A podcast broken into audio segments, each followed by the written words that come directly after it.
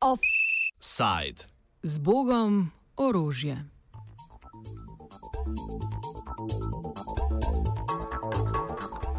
Včeraj je predstavljena študija Flamskega mirovnega inštituta v Bruslju, Project Safety, ugotavlja, da se v državah Zahodne Evrope znatno povečuje število ilegalno pridobljenega avtomatskega streljnega orožja. Orožje se v majhnih količinah iz Vzhodne Evrope preko držav Zahodnega Balkana tihotapi v zahodne države Evropske unije. Večina te tega orožja je po besedah koordinatorja raziskave Nilsa Dukeja v posesti kriminalnih združb, ki tudi skrbijo za ilegalni prevoz prek državnih meja. There are several uh, supply mechanisms which are very important for these illicit gun markets across Europe. Uh, first one is uh, the cross border trafficking, mainly from countries in the Western Balkans, uh, where lots of the weapons uh, were left over after the, the, the, the wars in the 1990s. And these weapons, these legacy weapons, are trafficked uh, mainly to, to Western and, and Northern Europe, where there is uh, a demand for these weapons and prices are higher than in other parts of Europe. And you see that the trafficking then takes place uh, and often also passes, for example, a country like Slovenia. Um, and they're, they're, the routes that are being taken are basically the same ones as the ones, for example, for drug trafficking. And you see that these weapons are smuggled in, in rather small quantities together with more lucrative uh, trafficking products. Drugi problem predstavljajo ohlapne nacionalne zakonodaje, ki omogočajo praktično komorkoli nakup odsluženega in odpisanega streljnega orožja, ki pa ga novi lastniki lahko praktično sami usposobijo za ponovno smrtonosno rabo. in some countries, um, it was easy to buy certain types of firearms without a license. Uh, for example, deactivated firearms have been sold, uh, especially in Slovakia, um, for for many years um, without the need to to to uh, to have a license for these weapons. But the main problem there is that these weapons uh, were not deactivated in a proper way, so it was relatively easy to reactivate the guns again. Um, and a similar story we see, for example, with blank firing guns, like alarm pistols that can normally only make a sound. Um, but what we have seen in recent years is that especially uh, Turkish made blank firing guns can actually be converted to live firing guns, to lethal guns, very easily. And those three um, evolutions have really made it easier for criminals uh, to buy weapons in several European countries.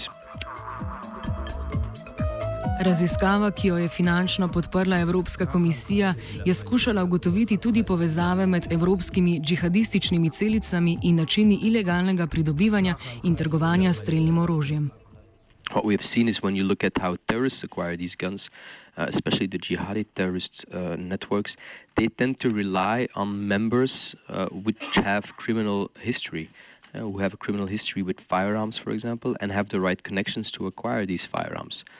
So if we bring together the the the, the, the dynamic of uh, easier access to uh, of firearms to criminals and also to lower level criminals, um, it's also becoming easier for terrorists with these lower level criminal connections to acquire the weapons. And this is a very dangerous dynamic. Evropska komisija je tako lani oktobra sprejela protiteroristični načrt. Ta predvideva ostrejše omejitve na področju financiranja aktivnosti, ki jih komisija smatra za teroristične, ponarejanja dokumentov, proizvodnje eksploziva in kemičnih substanc, ter med drugim tudi prekupčevanje z orožjem. Načrt je nastal kot posledica revizije leta 1991 sprejetih pravil in standardov o rabi ter deaktivaciji streljnega orožja, ki so bili usmerjeni predvsem v ekonomsko regula- regulativo proizvodnje streljnega orožja. Dokje izpostavlja, da je omenjeni protiteroristični načrt ekonomsko perspektivo proizvodnje streljnega orožja nadomestil s politično perspektivo povečanja varnosti državljanov Evropske unije skozi večji nadzor nad njegovo rabo. In 1991, the European Union adopted the, the EU Firearms Directive, and it set out some basic rules for the possession and trade uh, in civilian firearms across Europe. And the main idea is to harmonize legislation as much as possible. Uh, while in the beginning, uh, this directive was mainly adopted uh, with an economic perspective, we've seen in recent years that there is a clear policy shift towards the security risks which are involved with firearms trade and firearms possession. Um, so the, the recent revision of the firearms directive is, is, very clearly motivated by security concerns and especially accelerated after the terrorist attacks uh, in, in, in Europe in recent years. Revizija zakonodaje je omogočila predvsem večji nadzor nad polavtomatskim in signalnim streljnim orožjem, ki bi lahko bilo predelano in ilegalno uporabljeno. What we know is that the goal of this directive is to harmonize, but um, some of the um, elements were, have not been implemented in a proper way, some of the elements of the directive. Um, in, in, all EU countries. Uh, for example, um, the, the, directive said that it, uh, it was allo- it, uh, countries were allowed to uh, sell deactivated firearms if they were deactivated in a proper way, but the EU did not specify how these firearms had to be deactivated. So what they did is after the attacks in November 2015 in Paris, they set out very specific de- common deactivation procedures that all countries now have to follow. And it's the same idea that you see in the revision of the directive from a couple of months ago. Um, there, there's a clear uh, willingness to limit uh, possibilities to buy uh, um, certain types of semi-automatic firearms, um, but uh, especially with regard to the blank firing guns and the deactivated firearms, um, the, the situation became much more restrictive and it's much more difficult to acquire these. Kljub temu je treba biti do tovrstnih revizij zakonodajnih postopkov po besedah Dukeja skeptičen, saj ne bi vedno sledile tako imenovani povečani nevarnosti, ki jo države razglasijo po tako imenovanih terorističnih napadih. Revizijski postopki namreč pogosto vsebujejo zakonske luknje na področju legalne prodaje športnega streljnega orožja, ki omogočajo nakup in predelavo za potrebe ilegalnih aktivnosti. It's always the first thing that you see after big attacks is that uh, politics are trying to change the legislation. Um, and it, it, causes a lot of frustration, especially among legal gun owners, which is very understandable because they feel like they're being targeted and being punished for something that they're not connected to. Now, it's important to keep in mind that a good regulation is good for everybody involved. Um, what you need to combat illegal firearms is actually a very clear barrier between what is legal, what can be controlled, and what is illegal and which can be prosecuted. And if you don't have a good regulation, you cannot prosecute. Uh, and then if you see that there are differences in, in legislation between member states, we know that criminals and, and, certain gun enthusiasts will take advantage of these loopholes and these differences, which causes very dangerous situations. So um, it's a good thing to I think that the revision of the directive in general has been a step forwards because it, it, it, it, tries to, to strengthen this barrier between the legal and the illegal, but it's not enough. And this is important. And this I, I completely agree with uh, what a lot of the legal gun owners are saying. Um, you need to specifically target the illicit market.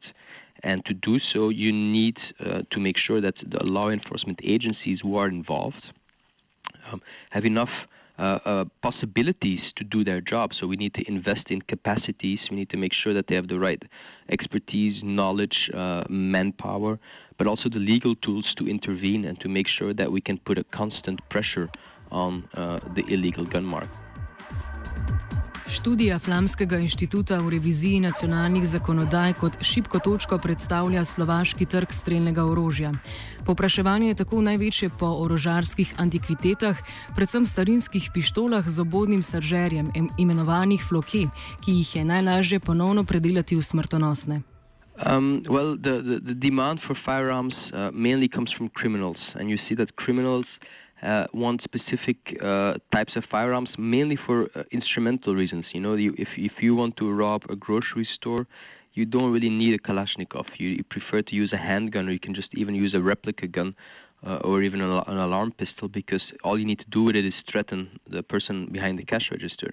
Um, so it's very instrumental, but at the same time, there's also uh, status and reputation that plays a role. If you can get, a, for example, a Glock pistol, it's it's worth much more uh, in reputation wise than, for example, a converted uh, Turkish blank firing gun.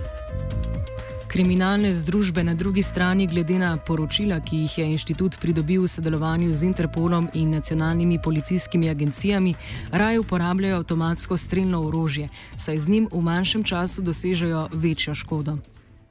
Um, so there are clear differences in preference. Uh, but what we've seen um, throughout our study is that terrorists seem to prefer uh, military grade firearms, Kalashnikov type firearms, because what they want to do is they want to cause a lot of damage in a very short time frame, and automatic rifles are, are, are well suited to do that. So if they can, they will try to get their hands on, on Kalashnikov type weapons, um, but not all terrorists have the same access. And, and that's where that's where the criminal connections are very important, and that's why it's a it's a worrying trend, uh, worrying observation that um, even uh, criminals with lower level uh, uh, higher in a lower level hierarchy um, can have easier access to guns and also sometimes to military grade firearms. Glavni problem, kot izpostavlja sogovornik, je še v tem, da večje popraševanje ustvarja večjo ponudbo. Za učinkovito borbo proti proizvodnji in trgovini z odsluženim streljnim orožjem morajo tako poskrbeti države članice same, strožjo nacionalno zakonodajo in monitoringom nad uporabniki streljnega orožja. And what is important to keep in mind is that um, the increased availability actually creates more demands. Um, what you see then is that the criminals, for example, are are are, are arming themselves more and more uh, because they feel un, un, unsafe because of the other criminals who are arming themselves, which means that you get into a vicious cycle where there's more demand and that will actually attract more trafficking. Um, and that's a that's a vicious cycle that we need to get out of in, in some of the EU member states. Um, and the only way to do so is to by trying to have a comprehensive approach uh, to make sure that uh, legislation across Europe is up to high standards and that we don't have new loopholes that might pop up. Um, and to make sure that we have uh, good law enforcement agencies who are well equipped to reinforce that uh, regulatory framework. Kot izpostavlja sekretar Streljske zveze Slovenije Simeon Gonc, je pri nas zakonodaja glede uporabe streljnega orožja v nešportne namene izredno stroga. Pridobitev dovoljenja za nošnjo orožja je mogoča v le treh primerih.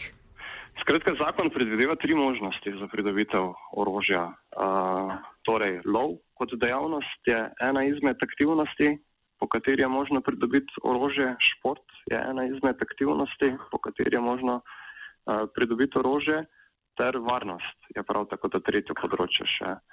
Um, kar se tiče lova pa varnosti, bi vas napotil spet na kolege, ki se s tem ukvarjajo. Sam bi mogoče lahko kak stavek več povedal glede športa. Uh, ne na zadnje pa pač gre tukaj za, za pogoje, ko je treba upraviti obvezno usposabljanje za rokovanje z orožjem, obvezni zdravniški pregled, uh, potem posameznik mora predložiti tudi neko ustrezno listino športne organizacije, s kateri izhaja, da se ukvarja s športom, s dejavnostjo recimo uh, z nekim orožjem, torej različnih kalibrov, torej različnih disciplin, ki jih imamo v veljavi. Uh, in ko predloži vse te listine pristojnemu organu, torej upravni enoti, uh, potem tudi pridobi takšno ustrezno listino. Offset je pripravil Dugi.